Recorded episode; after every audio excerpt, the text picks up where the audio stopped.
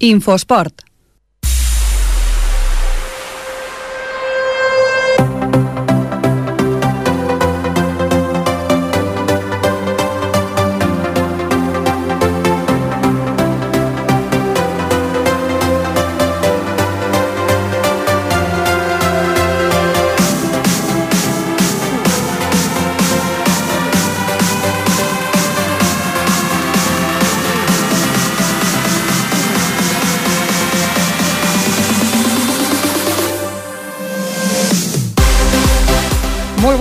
Benvinguts a l'Infoesport, el programa de l'actualitat esportiva de Ripollet.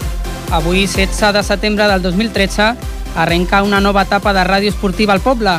Cada dilluns, de 7 a 8 de la tarda, estarem aquí per explicar-vos allò que passa als camps i a les pistes de Ripollet i de més enllà. Gràcies per compartir amb nosaltres aquests minuts de ràdio que suposen el que podríem dir el primer partit d'aquest equip que composa l'Infoesport. És un equip jove, però amb ganes de fer-vos gaudir de, de l'esport més proper. No us parlarem del Barça, de l'Espanyol, de la Penya ni del Fernando Alonso. Us parlarem dels clubs i dels esportistes que es troben aquí, al girar la cantonada, que viuen al costat de casa nostra, a l'entrar un pavelló de Ripollet els podem veure, perquè ells i elles també s'ho mereixen, els grans i els petits, els que arriben més amunt i els que no ho fan.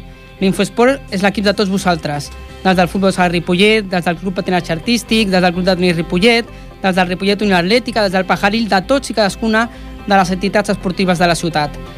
Com, la, com aquest equip de l'Infoesport és una mica novell, sabem que sereu benevolents i si un dia no ens acaba de sortir bé el partit que juguem, doncs eh, esperem que no ens ho tingueu en compte i eh, aconseguim fer-vos gaudir una mica de l'esport, que és el que volem.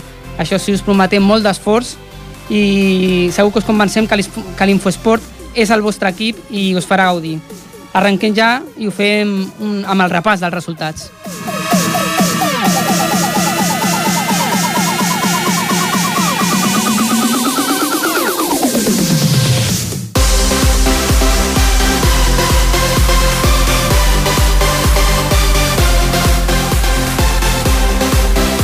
El marcador de base. No són els marcadors de base, sinó els marcadors en general que escoltarem ara ens els explicarà el nostre company Ferran Rigat. Bona tarda, Ferran. Bona tarda, Òscar. Doncs comencem el repàs dels resultats amb el futbol. Uh, primer de tot el Ripollet, club de futbol, ha, ha perdut 3 a 4 contra el Badia, amb gols de Caballero de penal, el 32, Quim, el 35 i Abdelaya, el 80. Això és segona catalana, ara passem a la tercera catalana. Els altres dos clubs de futbol són el Pajaril, que va guanyar 3 a 2 contra el Can Rull, amb gols d'Eros al 19, Amadeu al 37 i José Ramon al 88. I per part de l'escola Futbol Base Ripollet, va empatar 1 a 1 contra el Vallès Atlètic amb un gol de Diego Pérez a les acaballes del partit, el 82. I al bàsquet també hi ha algun partit oficial. No ha començat la temporada al Club Bàsquet Ripollet masculí. I l'ha començat fort, guanyant 79 a 74 contra l'Esparreguera. Fins aquí tots els partits d'inici de, de competició. També tenim alguns resultats aquest cap de setmana de les competicions eh, amistosos, de, dels amistosos, no de competició. S'han jugat alguns amistosos, com ja dius. El gasó femení ha guanyat de manera contundent el, el Llinàs, 46 a 18. Uh, un amistós que aquí dins de la casa té certa gràcia, el bàsquet Ripollet, uh, uh, femení, ha, guanyat, ha perdut 42 a 59 uh, contra el Cerdanyola i simplement dir que, a cada un dels bàndols tenim un, unes companyes. Sí, no, que ho sàpigui la gent, que tenim dos companyes aquí al programa que juguen a bàsquet i han jugat entre elles per començar la temporada. Uh, comencem fort la temporada. Sí. I llavors l'handbol, que ha tingut un cap de setmana mogudet, amb un torneig a Calella, en el qual ha guanyat un partit, ha empatat l'altre i ha perdut l'últim dels partits, i el diumenge va jugar contra el Sant Martí d'Adrianenc, un equip de segona catalana, dues categories per sobre del club handbol, i el va guanyar 35 a 36. Doncs aquest és el repàs dels resultats del cap de setmana. Gràcies, Ferran. Res, molt. Ens tornem a trobar. L'equip de la setmana.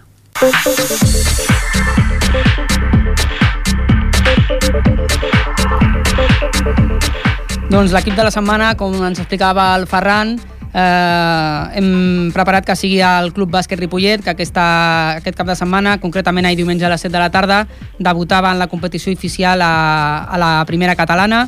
La nostra companya, la Esther Catalán, va estar veient el partit. Hola, bona tarda, Esther. Bona tarda, Òscar. El sènior masculí va guanyar ahir 79-74 a l'Esparreguera. El debut dels locals a primera catalana no va ser fàcil. L'equip va sortir amb motivació, però amb una defensa no gaire encertada. Això provocà que durant els dos primers quarts l'equip visitant manés el marcador. Tot i això, gràcies a l'encert dels blaus a la línia de 3, la primera part va acabar amb un ajustat 41-42. La mitja part va posar les piles als locals que, gràcies a una notable millora defensiva, remuntaren a l'Esparreguera, posant-se per davant el marcador i acabant amb un 61-53 al tercer quart. Al darrer tram del partit, els visitants van optar per una pressió asfixiant, que va dificultar el joc i va fer que dominessin el ritme del partit. L'Esparreguera va intentar ajustar el marcador a base de personals, pensant més en el bàsquet a veraix que en el partit. Finalment, els blaus van aconseguir la victòria. Tots dos equips van oferir un espectacle esperat als seguidors que omplien el Berneda. Van poder parlar amb el Manel Álvarez, capità del primer equip del Club Bàsquet Ripollet, i li van preguntar com va veure el primer partit de Lliga. Eh, si ens centrem en l'objectiu, que és la victòria, doncs estem contents. Eh, però hem de treballar perquè hem començat una mica fluixets, hem sigut capaços de reaccionar, però bueno, al final ha fallat tants tirs lliures ens hagués pogut costar el partit, però hem controlat el rebot ofensiu i la cosa ha anat bé. Molt bé. Quins objectius teniu per la pròxima temporada? L'objectiu principal, com que som un equip que acabem de pujar, és la permanència. Llavors, som ambiciosos i sempre lluitarem per, per anar el més a dalt possible i treballarem per això, però principalment la permanència. I a partir d'aquí, benvingut al que arribi. I heu jugat alguns partits amistosos, no? I aquest primer partit. Com veus a l'equip en conjunt, comptant amb les noves incorporacions que hi ha hagut? Mm, doncs el veig cada cop millor, eh, estem millorant. Les dues incorporacions estan en una posició que és bastant clau, eh, que és la, la de base, per dir- dirigir l'equip. Llavors, bueno, és, és complicat eh, començar amb justament aquestes dues posicions noves. Però estem treballant i a poc a poc anem veient millores i més flui, fluidesa en el joc. Molt bé, tu com t'has vist en aquest primer partit? Al tornar a primera un altre cop? Bueno, eh, he treballat el, tot el que he pogut i, i ho he intentat fer el millor possible. Llavors, a partir d'aquí, suposo que a mi tampoc em toca dir si he estat bé o malament, ho haurà de dir la resta. Molt bé, Esther, doncs aquestes eren les declaracions del Manel. Eh, ha estat una bona entrada de, de temporada per a l'equip del bàsquet Ripollet. Sí, sí, perfecte. Doncs veiem que fan la setmana vinent que jugaran a casa del Club Natació Sabadell.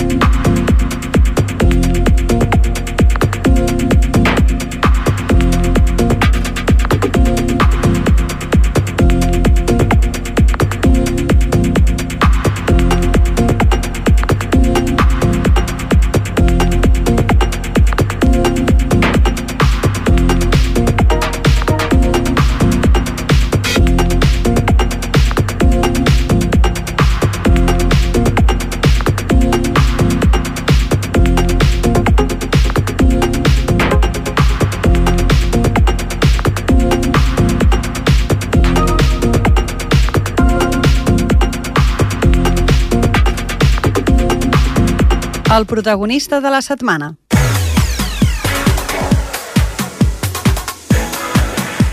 Doncs el protagonista de la setmana el tenim aquí amb nosaltres i li donem les gràcies per haver vingut perquè els dilluns són dies complicats de feina.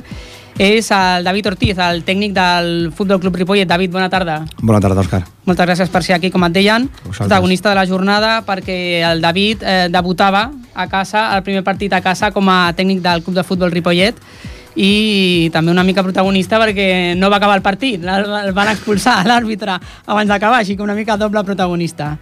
Eh, David, com, com vas veure el partit? Un partit difícil, eh? Sí, bueno, tots els partits són complicats amb aquesta categoria, no? Pensa que la segona catalana és una categoria molt complicada, molt intensa, i la veritat que bueno, el vaig veure amb dues parts eh, molt diferenciades, eh, crec que vam sortir una mica nerviosos també degut al, al debut, però crec que van fer mèrits com a mínim per fer l'empat i, i de, la mostra és que fins al minut 93-94 que va acabar el partit eh, les grades del, del municipal no es van buidar i crec que, que l'equip va, va mereixer una mica més. Mm. Està amb nosaltres el nostre company, el Jordi Soteres, que ens ajudarà a comentar una mica l'actualitat del futbol, en concret a, a aquesta entrevista amb, amb el David. Jordi, bona tarda. Hola, bona tarda, què tal? Què li preguntem al David? Bueno, al, David se li poden preguntar moltes coses i sobre, sobretot si ara és ara al principi. El primer que et voldria dir, David, és que tinguis molta sort amb aquesta aventura, que formeu aquests tècnics joves que hi ha, i la primera era, sou un cos tècnic molt jove, us, us he vist entrenar, sou tres persones, tu al capdavant d'elles, i volia dir que els presentéssiu, us presentéssiu una mica i llavors també quin nivell de motivació teniu en aquesta temporada. Bueno, el cos tècnic com a, com a com a cos tècnic eh, específic a nivell de la plantilla dos sí som tres persones eh, jo al capdavant per dir-ho d'alguna manera no? eh, eh, com a primer entrenador eh, el Raúl de Amo com a segon entrenador i el David Rodríguez també com a tècnic auxiliar i com responsable del, de l'escouting del primer, de la primera plantilla, tant a nivell de jugadors com sobretot a nivell de, de, de l'escouting dels rivals, no? Molt bé. És dir, sí que m'agradaria saber també en aquest aspecte, quin nivell de motivació teniu per venir aquí? Tu has estat doncs, a l'Espanyol, al Cornellà, al Castelldefels, etc. i ara vens aquí a Ripollet amb una, amb una categoria la segona catalana o primera regional abans, quin nivell de motivació tens tu personalment? Que em consta, em sembla que tens el carnet d'entrenador nacional, no? L'estem acabant, l'estem acabant. Molt, molt important saber això, eh? El, compten amb un preparador físic de nivell i dos joves que un d'ells té, el, els dos tenen el, el segon nivell i en el cas del David Ortiz està preparant-se per al tercer, cosa que segurament aconseguirà i segur a l'any que ve. Volia saber això, quin nivell de motivació teniu i sobretot tu com a capdavanter del grup. Bueno, jo personalment la, la meva motivació doncs, eh, crec que està bastant clara, no? Eh, soc una persona del poble, una persona que per una cosa per una mai he entrenat a, aquí a Ripollet, eh, sí com quan vaig començar, no? però mai he entrenat a, com a primer entrenador i amb aquest nivell i crec que, bueno, que ja fa dues temporades que, que el run-run i el club doncs, eh, anaven parlant però jo creia que no era el moment i bueno, la veritat que la meva motivació eh, per vindre aquí aquesta temporada doncs és, eh, principalment és aquesta, no? poder entrenar l'equip del teu poble crec, crec que no ho pot dir tothom i per desgràcia havent baixat de, de categoria però això jo la, ho transformo en una motivació més gran no? que és retornar al Ripollet on es mereix, no? Crec que mai tindria que haver baixat a segona catalana en condicions normals i el que hem fet és intentar doncs, eh, configurar una plantilla competitiva per, per intentar això, no? que, que el Ripollet torni a, a aquesta primera catalana eh, Déu vulgui que, que, que sigui aquesta temporada però si no ho continuem eh, treballant perquè això és un projecte a curt i a llarg termini. Sí, em sembla que em deia el David Rodríguez que és que és un tema que podeu... Eh, teniu fins a 3 anys, em sembla, no? Sí, eh, el, projecte club, de 3 el anys. club, tant a nivell de futbol base com a nivell de primer equip, eh, està canviant molt les coses i la veritat que, que, bueno, que jo sóc dels primers que dic que, que els entrenadors ens devem els resultats i això és així, però, però sí que és veritat que el club i la intenció de tot el club i tot el cos tècnic és fer un projecte més a llarg que a curt termini. Jo el que sí que vull constatar com a entrenador que sóc, és que us he vist, i us he vist i tu ho saps, diverses vegades m'has vist a la graderia, mm-hmm. veient els entrenaments, i aquest grup d'entrenadors treballa com si fossin professionals. Realment val la pena que assistiu als entrenaments perquè ho fan fantàstic, fantàstic, fan un treball físic, tècnic, tàctic estupendo, no? Després els jugadors són els que manen, però en realitat val la pena que, que aneu perquè jo he anat moltes vegades i mm, dissortadament no es veuen els entrenos que es poden veure avui en el camp del Ripollet. Eh? De manera que et felicito. No, no, no, és una realitat. Eh? David, és la, la primera vegada que fas un equip des de l'inici de, de temporada, un equip amateur? O no? Sí, de, des de començament sí, no? A les meves experiències amb el futbol amateur doncs són a, a Cornellà com a segon entrenador de tercera divisió i el senyor Despí, però sí que va ser una, una experiència més eh, doncs quan ja comença la, la temporada, una situació complicada, però, però que estic molt, molt orgullós d'aquella experiència, no? però sí que és veritat que, que de, des de començament és la primera, sí. Però t'ho preguntava per el tema de... Eh, que és la primera vegada que pots conformar un equip tu des de l'inici, no? Exacte, això crec, crec que per als entrenadors és el més important poder configurar una plantilla al teu gust i poder configurar una plantilla doncs, a, a, on sàpigues quins jugadors eh, són de cada posició i el que vols al darrere, al davant, a la porteria, crec que això com a entrenador és el més important. Però també bueno, la categoria també és eh, a la que, el fet d'haver baixat de categoria ens ha marmat una mica en aquest sentit però estic més que content dels eh, jugadors que tenim a la plantilla altra vegada, David, la plantilla pràcticament tota nova, molt jove, molt important en aquests aspectes. Quants jugadors teniu a la plantilla? Doncs ara mateix, i després del, del, del tema Osuna, que suposo que... Mm -hmm. que bueno, que ho podries és una pregunta que tenia, però ja la pots dir. La bueno, no, el tema Osuna, doncs, eh, li desitgem tota la sort del món a Carlos. Eh, crec que ha sigut molt professional el temps que, que, que ha estat aquí, i era una persona molt implicada amb el projecte, però bueno, quan, quan arriba una, una, una, una oferta, oferta així, de tercera no? divisió bueno, jo que faig com a entrenador i director esportiu, doncs, eh, quan, quan jo m'assabento, doncs, eh, com a entrenador és un pal, perquè és, penseu, que, penseu que el Carlos serà un jugador molt important per nosaltres, no? un jugador molt, amb molta experiència, encara que molt jove, com tu dius, sí, clar. però és la tònica de, de la plantilla. Sí que som jugadors joves, però amb molta, molta experiència, i Carlos, per exemple, a tercera di di divisió, no? Crec que, bueno, que, que les converses entre el Saranyola i nosaltres doncs, eh, van anar per, per bon camí i finalment doncs, Carlos ha, ha acabat jugant al Cerdanyola on, on espero que, que li vagi molt bé i el tema del plantilla jove és el que et deia no? crec que una plantilla molt jove entre cometes, hi ha de tot eh, sí que és veritat que és més jove que la temporada passada i que altres anys però amb molta experiència. Tenim jugadors eh, d'una qualitat com, com David Fernández, que encara no ha pogut debutar per la lesió. Davanter centre. Davanter centre, acostumat a marcar gols a, a Gràcia, al Camp d'Europa, a, a Masnou, a tercera divisió, a Manresa, crec que és un jugador molt important, o Abdel, que ve de Sant Cugat, que és d'aquí del poble, i això també, no? També hem tingut la sort de que molts jugadors d'aquesta plantilla doncs, són d'aquí del poble i tenen una qualitat eh, més que contrastada. Quina mitja de deveu tenir, aproximadament? aproximadament? Bueno, jo considero que segurament uns 24, que 24, 25 serà la, la, la mitja. En el cas d'haver s'ha perdut aquest jugador, Osuna, un central, consideres necessari fitxar un jugador en aquesta posició? Bueno, després del tema d'Osuna, doncs el, tant el cos tècnic com el, la, la junta directiva ens vam, ens vam reunir i, i, i bueno, vam, vam parlar d'aquest tema, però bueno, eh, ja us dic, eh, estem contents amb la plantilla, sí que és veritat que ara mateix no, no, no hem reforçat aquesta posició, però bueno, mica en mica... No, des, no ho descartes. Dies. No ho descarto. I jo, creus que, que jo aquesta... crec que el futbol mai es té que descartar mm. res, no? El I que avui és blanc, demà és negre... En, aquest, i... en aquestes categories també exacte, la cosa és més oberta, exacte, no? No estàs tan acotillat. Exacte, exacte. Sí que és veritat que el, que el tema econòmic apreta, però sobretot crec que ara mateix estem contents amb el que tenim i si hi ha una incorporació serà perquè veiem que, que ho necessitem. I aquest adeu tan, tan sobtat una mica d'un jugador que, era, que havia treballat tota la pretemporada ha influït en el resultat d'aquesta última jornada? Qu mm, quatre gols en contra... Tu creus que, que ha influït d'alguna manera? No, no, no, no, no sóc una persona de posar excuses. Eh, van perdre perquè no van fer eh, el treball defensiu com, com estem acostumats a, a fer-ho crec que sí que és veritat que poder, eh, jo crec que el més eh, normal era l'empat, sobretot veient la segona part, però si ens, ens van ficar quatre gols, alguna cosa malament hauríem fet i encara que estigués eh, Gerard Piqué a, a la defensa, quan treballes malament o quan fas algunes coses malament, com, com ens va passar, doncs ho pagues, no? I crec que, bueno, que sí que és veritat que Carlos Osuna és un jugador molt important, és un jugador que ens, que, que ens donava una experiència molt bona, però bueno, jo des del moment que Carlos Una ja no és jugador nostre no me'n recordo d'ell i el que faig és intentar doncs, eh, ajudar els meus perquè ho facin bé a veure, David, tenint en compte, per, pregunta important trobo jo, no? tenint en compte com està l'economia en general i les quantitats de, de diners que pot oferir un club modest, que pots demanar avui aquí pels teus jugadors i per vosaltres mateixos com a cos tècnic en relació als aficionats i a la directiva del club? Doncs mira, t'agraeixo que em facis aquesta pregunta. Jo el que demanaria és molt, molt de suport, perquè jo sempre sóc els, dels que penso que, que al món de l'esport, com a la vida, no? com, a, com en tot en general, els moments bons estem tots, no?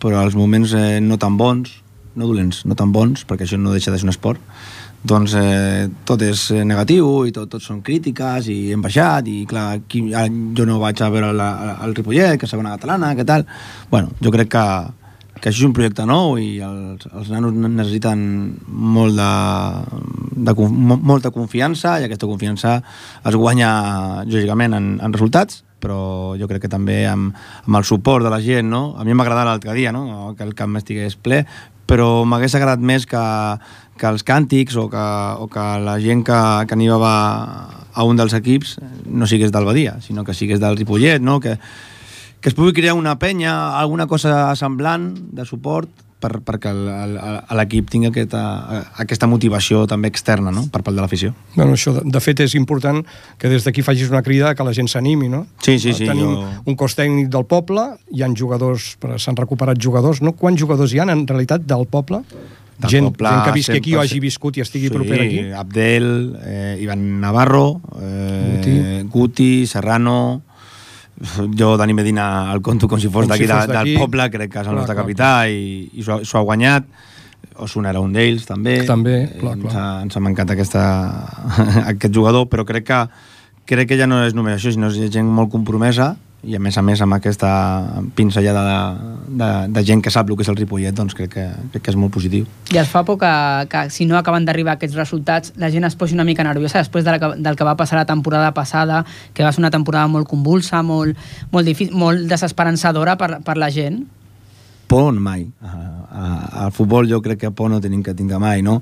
Sí que és veritat que, que els resultats manen i que els resultats eh, són els que són i que ara mateix eh, eh, portem un punt i, i amb dos partits, però crec que, com els dic els meus jugadors, no és tant el perdre o el guanyar, sinó és com guanyes o com perds, no? Jo crec que ara mateix estem molt, molt, molt a prop de guanyar molt, molts partits. Ens falta aquests petits detalls, però clar, eh, pensa que som 14 jugadors nous a la plantilla. 14 continuen Dani Torrecillas, que també és de, del poble, que m'he oblidat, eh, continua Dani Medina, el nostre capità, i continua eh, Toni Serrano. Tots els de més són nous, això consta una mica.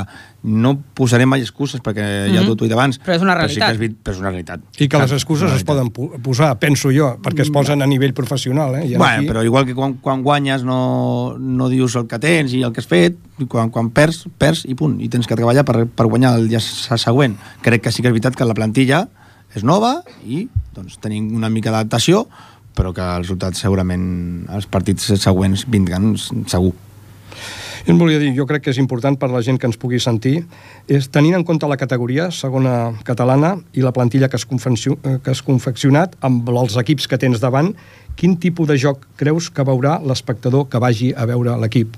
Doncs eh, el tipus de joc doncs, que, que m'ha portat fins aquí, no? Jo crec que, sí, a més a més de ser del poble, jo crec que el club no s'ha fixat en mi per, perquè em dic David Ortiz i perquè el meu germà va, jugar al club i perquè sóc amic d'algú. No, jo crec que si el, el, la directiva es va fixar en mi serà per alguna cosa ben feta he fet, no? I crec que que l'aficionat que s'apropi al municipal o que vinga a veure els partits de, fora, que m'agradaria moltíssim veure molta gent fora de, de casa, veurà un, una combinació de, de joc col·lectiu, de joc intens, de joc d'espais, de joc de, de finalització, i eh, jo crec que això és el més important, no? Un joc col·lectiu, un joc de, de combinació, però sempre depenent no? una mica dels, dels rivals, però la nostra base és tindre la pilota i a partir d'aquí doncs, eh, intentar ser...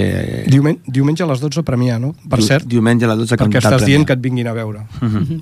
Esperem que, que aconseguiu aquest joc, que, que segur que esteu treballant molt, com, com deia el Jordi, i que la gent doncs, pugui, gau, pugui gaudir molt d'aquest equip. Per cert, abans d'acabar, has vist l'acte del partit?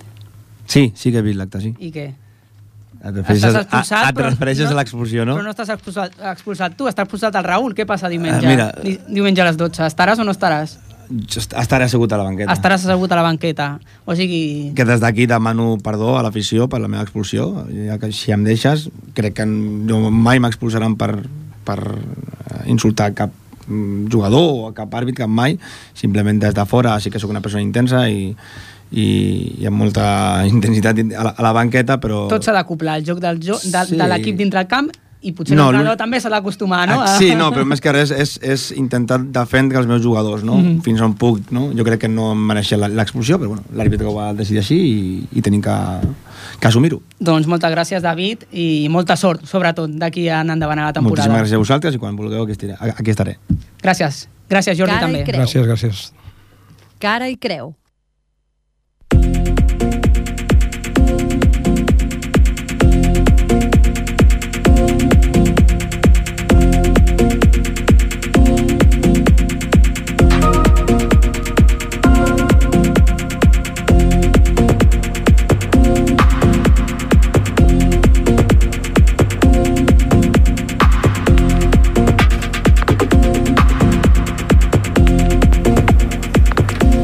I seguim amb el futbol. El cara i creu d'aquesta setmana que hem anomenat és mm, una mica el que veiem en tercera catalana, el futbol de, tercera catalana. Hem tingut una victòria i un equip que no ha pogut vèncer en aquesta segona jornada de la competició, que ha estat l'Escola Futbol Base Ripollet. Veient el, aquest partit, el de l'Escola Futbol Base Ripollet, ha estat el nostre company, el Marc Matamar. Bona tarda. Bona tarda.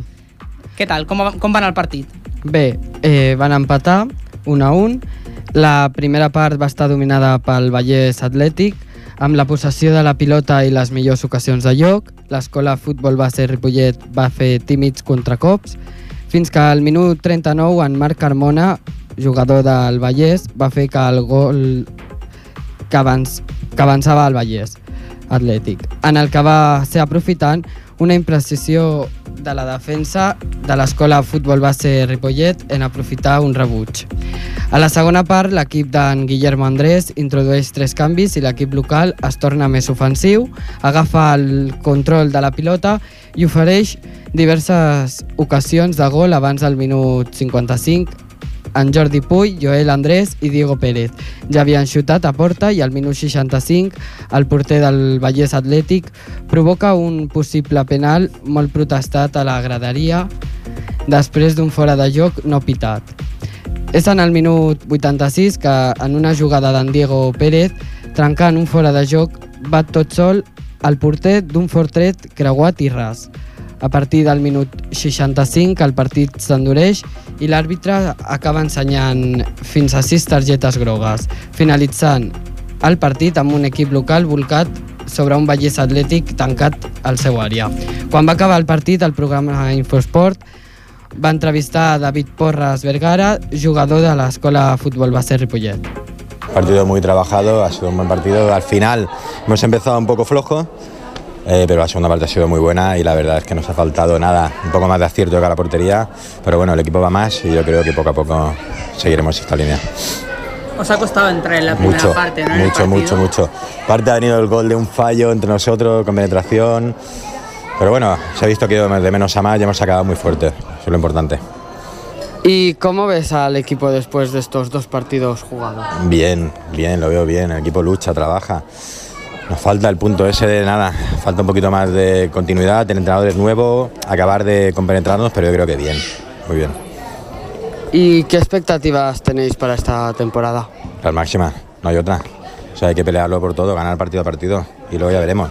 De momento, ganar partido a partido. ¿Y cómo ves al equipo, a los equipos que os ha contra los que os ha tocado jugar y los posibles rivales? Muy fuerte. La verdad es que no hay ningún equipo bajo, ya has visto, y todo el mundo va. Es, hay mucha calidad y es lo bonito de esta liga. que La verdad es que se disfruta mucho jugando aquí. ¿Creéis que hay algún rival más complicado, así que sea más favorito? De momento los dos rivales que hemos jugado son muy fuertes. San Celoni por presupuesto, eh, Santa Perpetua veremos la semana que viene. Pero bueno, de momento los dos rivales muy fuertes hasta ahora. ¿Cómo, cómo veis esa acoplación vuestra como, como equipo, así con el nuevo entrenador? Poco a poco, los cambios cuestan. Eh, le costó a Guardiola con el Barça el triplete, nos va a costar a nosotros. Pero bien, el equipo trabaja cada semana y, y se demuestra que vamos al máximo. Yo creo que bien. Doncs això és el que ens explicava el David Porra. Gràcies, Marc. Bona tarda. Bona tarda. I l'equip de l'Escola Futbol Base Ripollet porta un punt en dos partits, hauran de seguir treballant per tirar amunt a la classificació. L'altre partit de la categoria tercera catalana, en aquest cas el grup 6, és el del Pajaril. Eh, El Brian, el nostre company el Brian Calvo, va estar al partit. Hola, Brian, bona tarda. Bona tarda, Òscar. Com va anar el partit? Doncs el Pajaril va començar un amic, joc una mica dubtós, però la pressió en general va ser bona durant tot el partit. Al principi va, el Can Rui va ficar el primer gol a, a pilota parada, però després va anar de menys a més al, al Pajaril i ja a la primera part va remuntar. El primer gol recordem que va ser d'Eros al minut 19 i el segon d'Amadeo.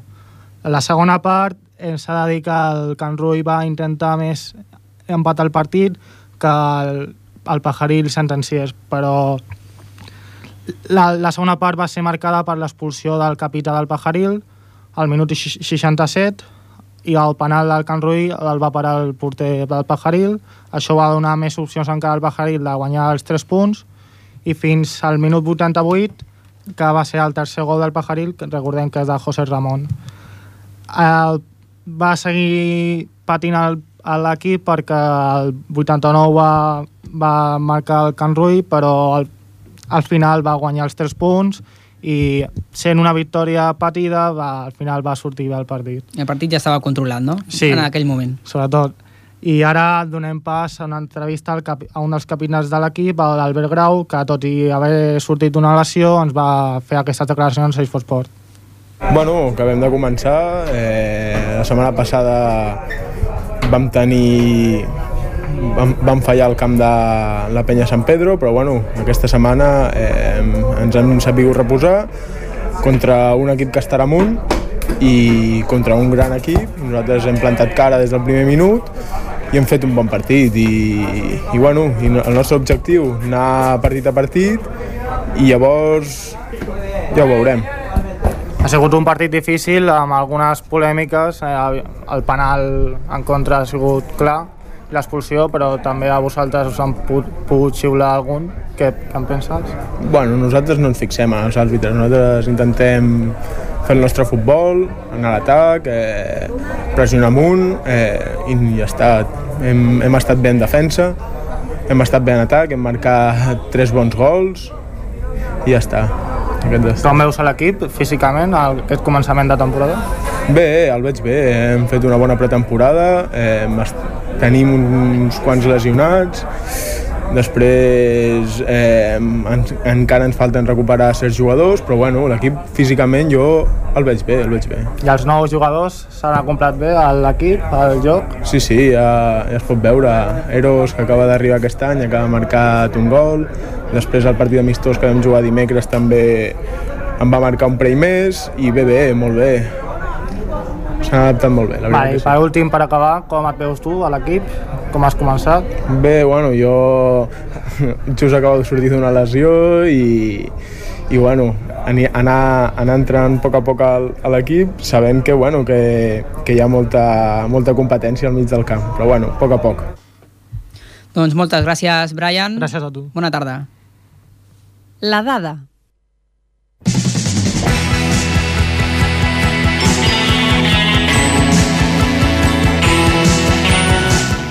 Doncs la dada és 85,5. Són 85,5 quilòmetres i pensaran, déu nhi per fer en cotxe, bueno, potser, no, no està malament, d'aquí a Girona.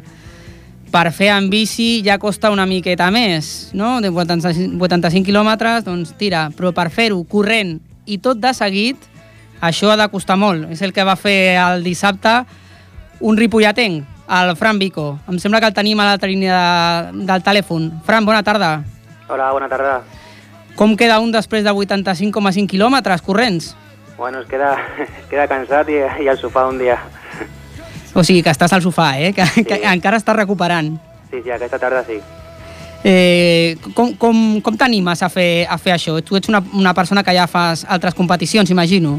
Sí, bueno, tot de, per córrer 5 quilòmetres, 10 quilòmetres, mitges, maratons, però tant, tanta, tanta distància no, de moment no havia fet. Havia fet un, un primer intent de, a la Trail Walker de 100 quilòmetres, però va, vaig abandonar i això és que va donar l'empen- l'empenta per, per fer aquesta, aquesta Matagalls. M'he m'he oblidat de dir que és la cursa Matagalls-Montserrat que es va celebrar entre el dissabte i el diumenge.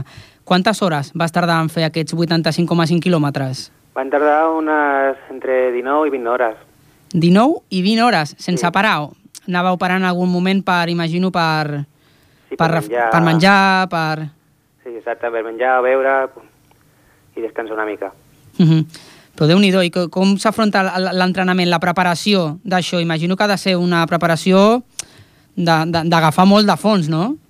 Sí, més, eh, entre cada setmana, tres o quatre dies sortir a córrer i després un, un dia fer una, una tirada llarga per la muntanya. Per sort aquí tenim a prop a Collserola, pues fer passejades llargues i cada dia també anar a treball en bici. Tot això va donant una mica de, de fons. Mm -hmm. Et queden ganes per fer una altra d'aquestes o no, després d'això? Bueno, avui no és un dia per preguntar Per preguntar eh? això, no? Millor. Però suposo que d'aquí a un par de mesos sempre entren les ganes un altre cop. El que segur que tens és altres, altres perspectives, no?, de, de, de competicions allà en, en el teu calendari. Sí. què és el que tens eh, més a prop ara? Bueno, ara curses de 10 quilòmetres, però la- l'objectiu principal és, és a, al març fer la, la marató de Barcelona. déu nhi un altre repte llarg, eh? 42,5 quilòmetres. És la meitat. Sí. Ja t'has entrenat bé amb això de la Matagalls Montserrat, eh? Per anar a la marató, no? Sí.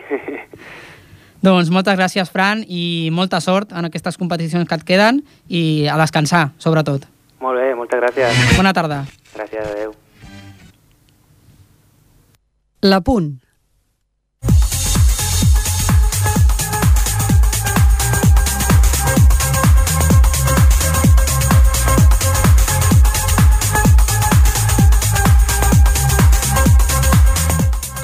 L'apunt el reservem per eh, explicar-vos eh, l'inici de temporada de l'equip femení de futbol sala del Can Clos. El nostre company, el Brian Calvo, una altra vegada, està aquí amb nosaltres per explicar-nos. Sí, faré una petita prèvia del, del Can Clos, que debuta aquest dissabte a les 7 al, al pavelló municipal de Ripollet. La pretemporada la va començar aquest el dilluns 21 d'agost. Va començar amb derrota contra l'AE Vallirana, però l'equip ha anat millorant i fins i tot es va proclamar vencedor del torneig triangular jugat a Santa Coloma de Gramenet. La plantilla per a aquesta nova temporada és formada per la Lola, la Naila, la Sònia, la Patri, la Carmen, la Sara, la Bego, la Lali, Jasmina, Nerea, Lídia, Helena, Clara i Olga, les, les quals, com he dit abans, debutaran aquest dissabte. Dissabte a les 7 de la tarda aquí a casa, eh? Sí, al pavelló municipal de Ripollet. Per últim, dir que la presentació dels equips del futbol sala Ripollet, tant masculí com femení, seran el 12 d'octubre, quan per la tarda el Can Clos jugarà un partit amistós enfront de l'equip barceloní de l'escola Pia Nostra Senyora. Crec que es parla amb, a, a, amb algú del club, amb un coordinador, oi? Sí, hem fet una entrevista de l'equip d'Infosport amb Ivan, coordinador del Can Clos. Eh, yo lo veo bastante bien. Tenemos un equipo con buenas expectativas e intentaremos estar ahí arriba este año otra vez. ¿Cómo ha ido la pretemporada? ¿Qué sensaciones te deja? Bueno, la pretemporada ha sido un poco complicada, pero bueno, dentro de lo que cabe ya son solucionados unos problemitas que teníamos y la verdad es que veo que va mejorando. ¿Se pueden decir los problemas? o- Bueno, sí, me plegó el entrenador que había fichado a final de la temporada pasada y bueno, ya he conseguido otro entrenador y ha comenzado esta semana ya los entrenos y esperemos que todo vaya bien. Vale, bueno, en los tiempos de dificultad económica que estamos, el bloque del equipo se ha mantenido, habéis tenido que hacer más fichajes de la cuenta. Bueno, lo mejor de todo esto que hemos mantenido el bloque el año pasado y a la vez hemos reforzado el equipo con cuatro jugadoras que la verdad es que vienen de una categoría superior, tres de ellas, una viene de una inferior, pero creo que nos van a ayudar mucho y nos van a hacer mejorar el equipo. Bien. Y para el cuerpo técnico, eh, ¿es fácil compaginarlo con vuestro trabajo? ¿Se adapta bien el calendario? Bueno, lo adaptamos como podemos. Es difícil porque todo ahora mismo es difícil, pero bueno, mm, de momento lo conseguimos llevar bastante bien. La pasión por el trabajo. Sí, no tenemos ningún problema a la hora de compaginar entrenos y todo, ya los teníamos puestos de muchos años y la verdad es que funciona bastante bien. Y cuando jugáis como visitantes, eh, viajáis en grupo, cada uno como puede. Bueno, viajamos por, por nuestros medios, con coches. En teoría intentamos llevar los menos coches posibles para que el gasto sea lo menos posible, pero bueno, eh, la capacidad económica tampoco llega para ir en autobús. Y tenemos cuatro viajes, cinco un poquito largos, pero el resto son de aquí de Barcelona, o sea que tampoco... Bueno, como se puede. Como se puede. Eh, a ver, el objetivo para esta liga El objetivo es como mínimo igualar la posición del año pasado, intentar estar ahí arriba. Ese es el único objetivo que nos marcamos. Luego el día a día nos pondrá donde nos, merezcamos. Pero en teoría como mínimo intentar igualar, siendo un poquito ambicioso, intentar igualar lo que hicimos el año pasado. Bueno, y para finalizar, sí que decir algunas palabras a la afición. Bueno, es lo de siempre. El femenino trae muy poca gente y es cierto que sí necesitaríamos que intentar que el pabellón hubiera algo más de ambiente. Pero bueno, pedir a la gente que venga sé que es muy difícil. Cada uno suele ir a ver a amigos y compañeros. A ver si conseguimos este año eh, tener un buen nivel de fútbol sala, que el año pasado ya lo tuvimos, y a ver si conseguimos atraer a la gente de Ripollet. Doncs nosaltres estarem allà fent-los costat i explicant-vos a tots vosaltres el que fa el Can Clos de Futbol Sala. Veritat, Brian? Sí. Doncs així ho farem. Moltes gràcies, Brian. Bona tarda. A tu. Febre d'esport.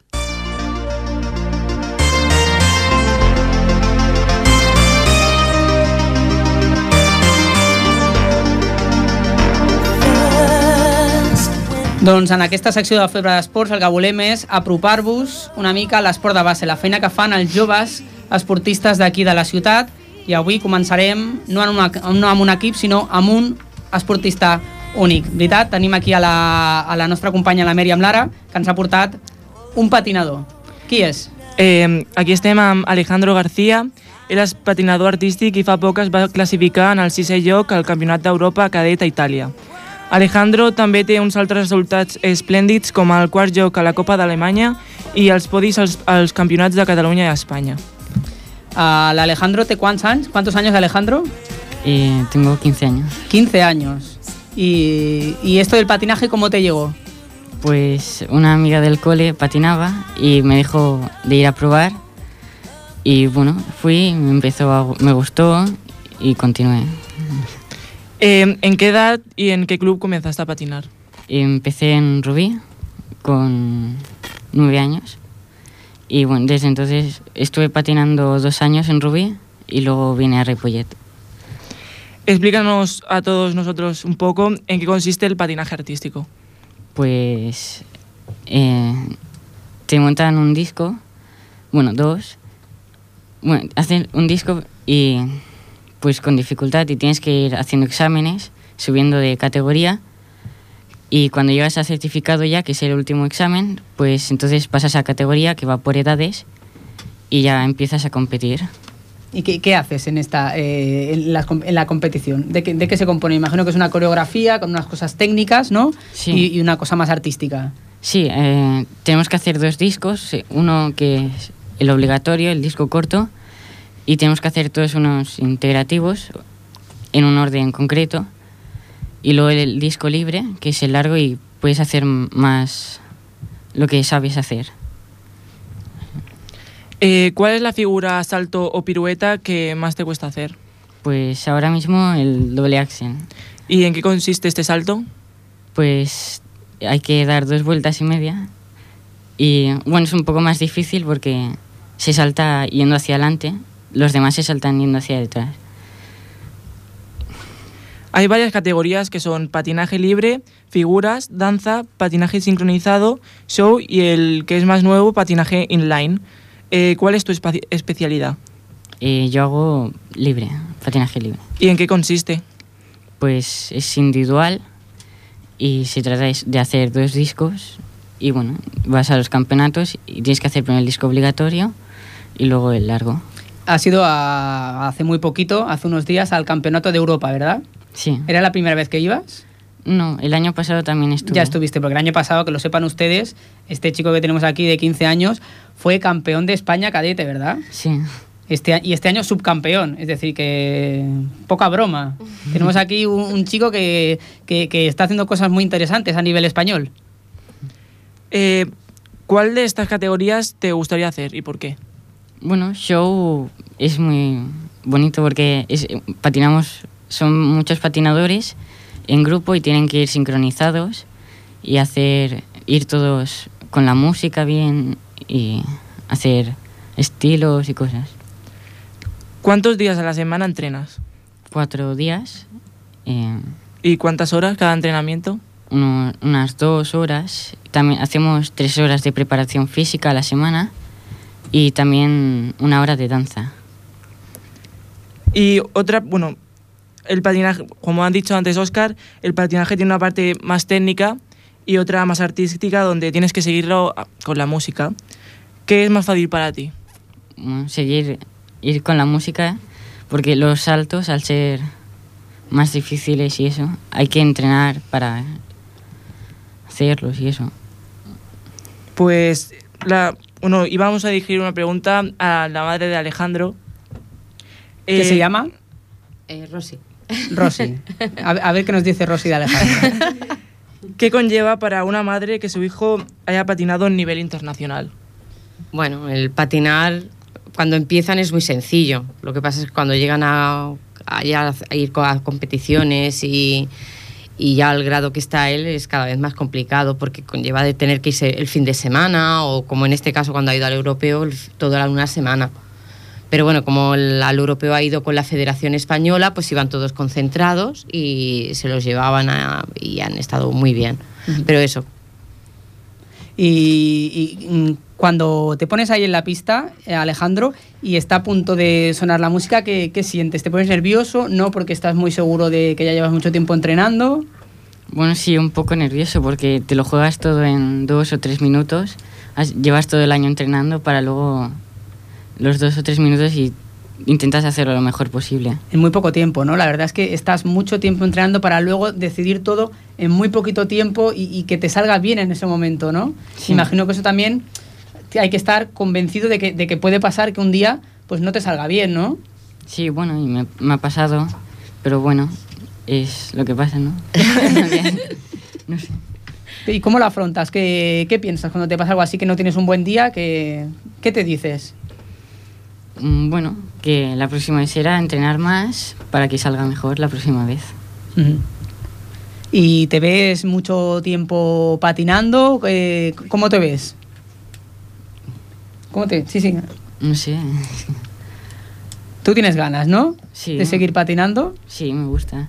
Hasta, hasta donde puedas. Sí. Porque tienes algún referente así en el que te, en el que te fijes. Eh, a mí me gustaría llegar hasta senior, que es la categoría más alta, y eh, poder llegar a un mundial.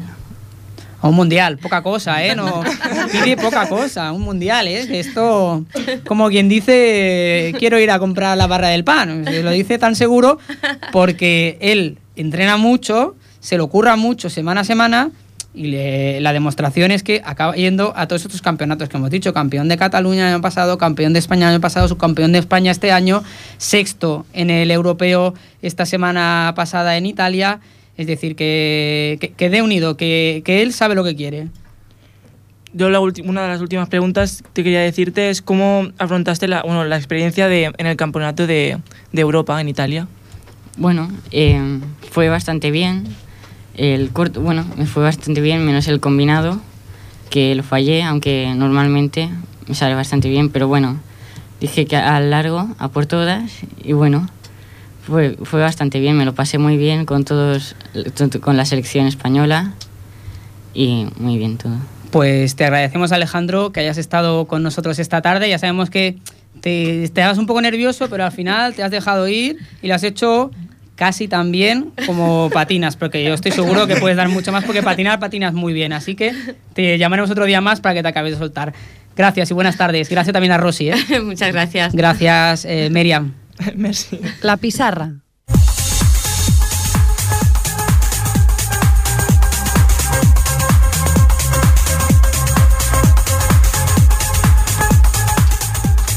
Pues la pizarra lo que queremos es recordaros los resultados del... lo- perdón, ya se me acaba el tiempo y ya me pongo nervioso.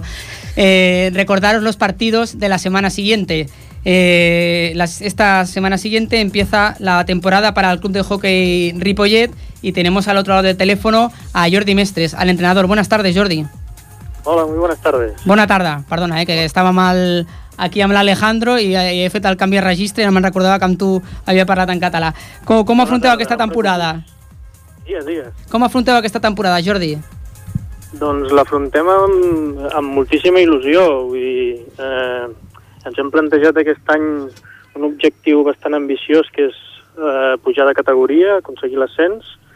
Estem treballant en base a això i estem molt il·lusionats perquè mm. de moment, la pretemporada, les coses estan anant molt bé i això ens fa il·lusionar encara molt més. Tu has acabat d'arribar, oi, aquesta temporada? Sí, al, al, al primer equip sí, sí. he estat eh, com a entrenador d'alguns equips de categoria base, però com a jugador del primer equip sí, és el primer any. I l'equip ha patit moltes transformacions per afrontar aquest repte d'intentar pujar de categoria? Doncs sí, respecte a l'equip que hi havia l'any passat, només dos jugadors continuen aquest any i la resta són tots eh, integrants nous, jo inclòs, i ens estem integrant. La veritat és que totes les noves incorporacions han vingut amb molta il·lusió i amb moltes ganes i, i doncs, la veritat és que esperem que tot vagi molt bé. Doncs així us ho desitgem. Comenceu el dissabte a la dos quarts de vuit? Doncs crec que és a les set de la tarda. A les set? Bueno, por ahí, por ahí, sí. Doncs uh, que estiguin a les set i així ja estan ja preparant-se allà la gent per veure-us. Doncs us desitgem sort en aquesta estrena. Gràcies, Jordi. Bona tarda. Moltes gràcies a vosaltres. Bona tarda.